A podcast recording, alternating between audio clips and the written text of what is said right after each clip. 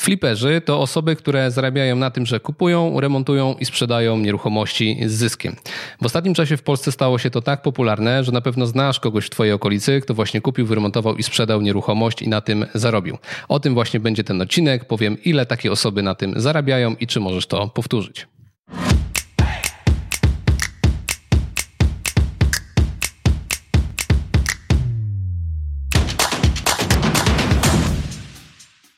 Cześć, nazywam się Paweł Albrecht i witam Was w nowym wystroju wnętrza naszego studia. To jest jeszcze nieskończona wersja, czekamy jeszcze na oświetlenie, na rekwizyty, na wygłuszenie, na inny mikrofon. Także rozwijamy się dla Was, bo widzimy, że temat zarabiania pieniędzy, inwestowania w nieruchomości, prowadzenia własnej firmy e, Wam się podoba, więc będziemy to po prostu dla Was robić coraz lepiej. W związku z tym, dlatego zmiana tej naszej aranżacji za mną. Przechodząc do samego odcinka, chcę powiedzieć o tym, ile zarabiają fliperzy jakie nieruchomości kupują, gdzie je kupują, czy można to powtórzyć, no ile na tym się zarabia. E, jest to na tyle gorący ostatnio temat, że powstało wokół niego trochę niejasności, więc chciałbym to wszystko w tym odcinku właśnie wyprostować. Zaczynamy od punktu pierwszego. Ile zarabiają fliperzy? Jeżeli kupuję mieszkanie, remontuję lub nie remontuję i sprzedaję tą nieruchomość, to żeby transakcja się opłacała, muszę zarobić na tym minimum 30 tysięcy złotych. Dlaczego 30 tysięcy? Jeżeli prowadzę jakiś biznes, nie robię go samodzielnie. Mam księgowość, mam pracownika, jednego, drugiego, mam ekipy remontowe, e, mam ludzi wokół mnie, którzy ze mną współpracują, jakieś wsparcie prawne i tak dalej. Więc no muszę zarobić na tyle dużo pieniędzy, żeby się podzielić z innymi żeby mi jeszcze zostało tyle, ile chcę, e, żeby zajmować się tą działalnością. W związku z tym jeżeli inwestuję swoim kapitałem i zarobię 30 tysięcy, to jest jak najbardziej ok. Natomiast jeżeli kupuję nieruchomości za pomocą inwestora, czyli on kupuje nieruchomość na siebie, ja ją remontuję, potem dzielimy się zyskiem po sprzedaży, no to jeżeli mamy 30 tysięcy, podzielimy się po pół, no to mamy po 15 tysięcy, czyli szkoda zachodu, bo tak naprawdę jeżeli taki flip trwa, e, do czego zaraz dojdziemy, powiedzmy 3 miesiące czy 6 miesięcy, no to z 15 tysięcy wyjdzie nam piątka miesięcznie, więc to jest normalne zajęcie, jakiekolwiek inne byśmy sobie wybrali, też byśmy tyle zarobili.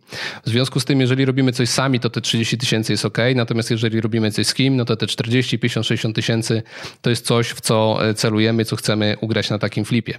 W związku z tym fliperzy kupują nieruchomości wtedy, kiedy wiedzą, że zarobią na tym od 30 powiedzmy do 80 tysięcy złotych.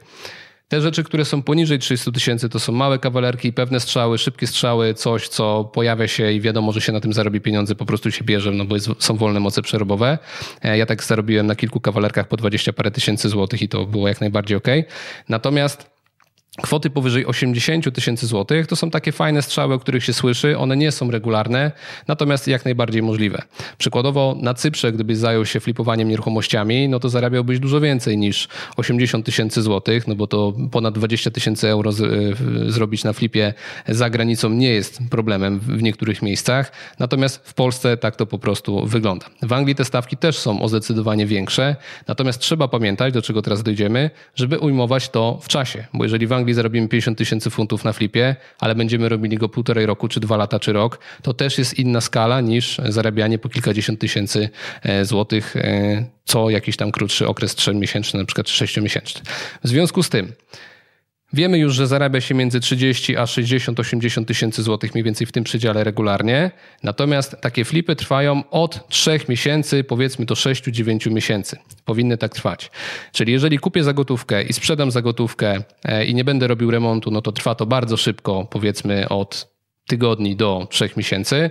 Natomiast jeżeli e, robię tak, że ja kupuję za gotówkę, a potem ktoś ode mnie kupuje na kredyt, to zanim ten kredyt zostanie uruchomiony, no to właśnie to wydłuża ten czas tego flipa. Bo sam remont nieruchomości trwa tyle, że całe mieszkanie robimy w 4 tygodnie, jeżeli nie zamawiamy okien. Natomiast jeżeli robimy remont z oknami, z drzwiami, taki generalny razem właśnie z oknami, no to wtedy ten remont może trwać nawet 6-8 tygodni. W związku z tym remont nie powinien trwać dłużej niż dwa miesiące, jeżeli robi się to profesjonalnie. Jeżeli robimy to bez okien, bo na okna się długo czeka, robimy to w miesiąc praktycznie każde mieszkanie. Mówimy tu o mieszkaniach kilkudziesięciometrowych. W związku z tym powiedzmy sobie tak, że flip trwa od 3 do 6 miesięcy, zarabia się od 30 do 80 tysięcy i w takich widełkach się poruszamy. I trzecia rzecz, o której chcę powiedzieć, poza finansami, ujęciem czasowym, ta trzecia jest taka, że nie każdą nieruchomość trzeba remontować. Wiele osób teraz zajmujących się flipami nie robi remontów nieruchomości. Czyli kupuje mieszkanie za 200, i wystawiam na sprzedaż za 225 albo 230 i zarabiam 25-30 tysięcy złotych bez remontu. Bo czym jest usługa remontowa? Jeżeli mam kawalerkę za 200 tysięcy złotych, i wszystkie kawalerki w tym bloku kosztują 230, to po prostu kupiłem ją 30 tysięcy złotych taniej, sprzedaję za 225, piątkę poniżej ceny rynkowej, zarabiam 25 tysięcy złotych. Po prostu. Natomiast jeżeli e, super ładne kawalerki w tym bloku kosztują 250 tysięcy złotych, no to ja muszę zrobić remont za 20 tysięcy, doposażyć tą kawalerkę, sprzedaję za 250 i dalej zarabiam te 25 czy 30 tysięcy złotych. Czyli zobacz, że ta usługa remontowa to jest tylko dodanie wartości, ale to nie jest nasz zysk do kieszeni, dopóki my nie prowadzimy tej ekipy remontowej i my nie zarabiamy na remontach. Czyli mogę kupić coś za 200, sprzedać za 230 i zarobić 30 tysięcy, albo mogę kupić coś za 200, zrobić remont za 30 i sprzedać za 260 i dalej zarabiam 30 tysięcy złotych tylko 30 tysięcy poszło na ekipę remontową. Gdyby to była moja ekipa remontowa, no to wtedy zarabiam prowizję na remoncie e, i zarabiam na flipie.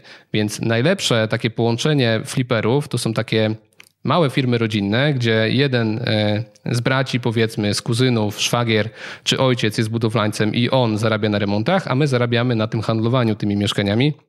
I to jest idealne połączenie w tej branży. E, tak można fajnie rodzinnie zarabiać pieniądze. Przechodzimy teraz do punktu drugiego, w którym powiem, jakie zasoby są potrzebne do tego, żeby zacząć flipować.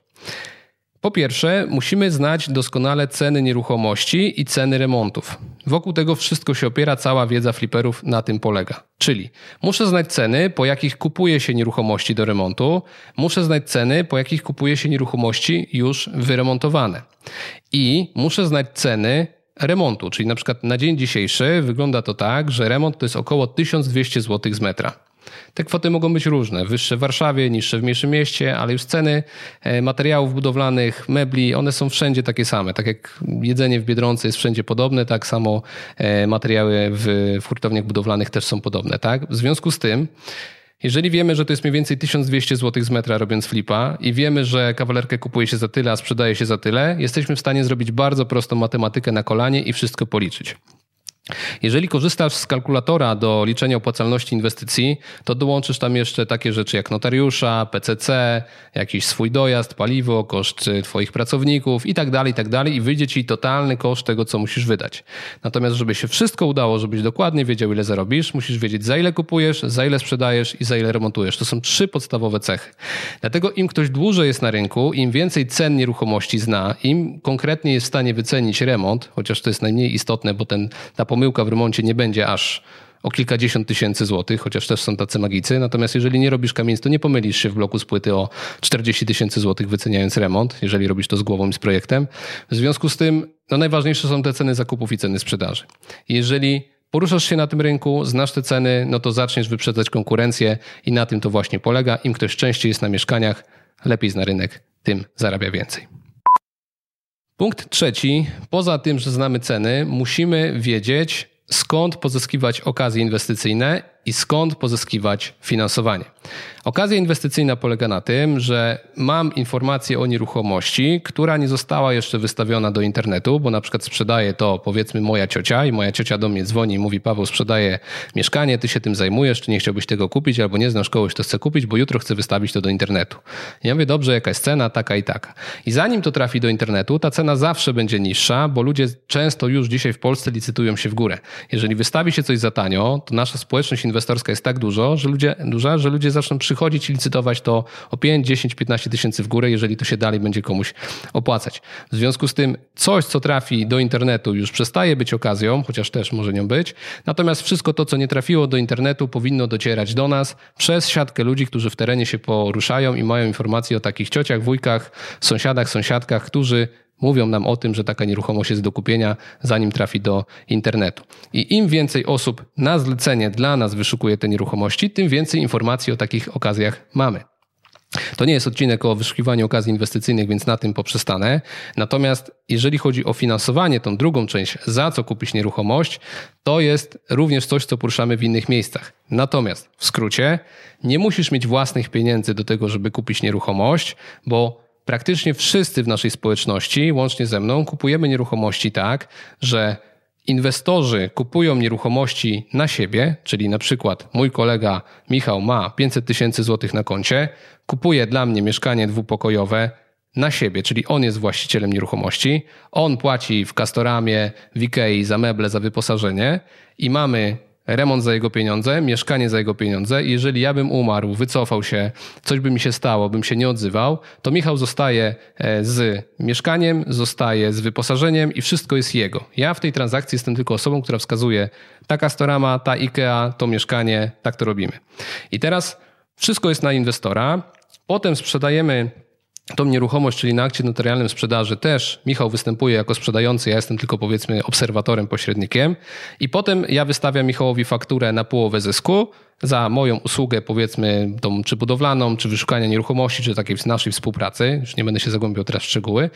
I po prostu dostaję połowę tego zysku, który wygenerowaliśmy. Michał płaci podatek od swojej części, ja płacę podatek od swojej części i tyle. W związku z tym ja nie potrzebuję mieć własnych 500 tysięcy złotych na koncie do tego, żeby kupić nieruchomości, bo ile pieniędzy byś nie miał, zawsze te pieniądze się skończą. Jest bardzo niewielu inwestorów, którzy kupują ciągle mieszkania za swoją gotówkę, budują wszystko za swoją gotówkę.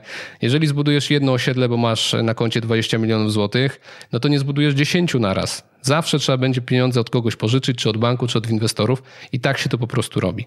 Podsumowując, obracanie nieruchomościami to jest poukładanie wszystkich puzli, spisanie sobie wszystkich możliwych procedur, według których się postępuje, pozyskanie ludzi, którzy chcą to robić z nami w sensie kapitału, i dzięki temu cały czas możemy nabywać, e, remontować lub nie i sprzedawać nieruchomości. Tak to po prostu wygląda. Czyli jeżeli zbierzemy sobie wszystkie zasoby potrzebne do realizacji flipa, możemy to robić tak naprawdę nie mając ani złotówki na koncie, musimy znać tylko cały proces od A do Z. Kolejna sprawa. Jaki jest największy minus flipowania? Jaka jest największa przeszkoda we flipowaniu?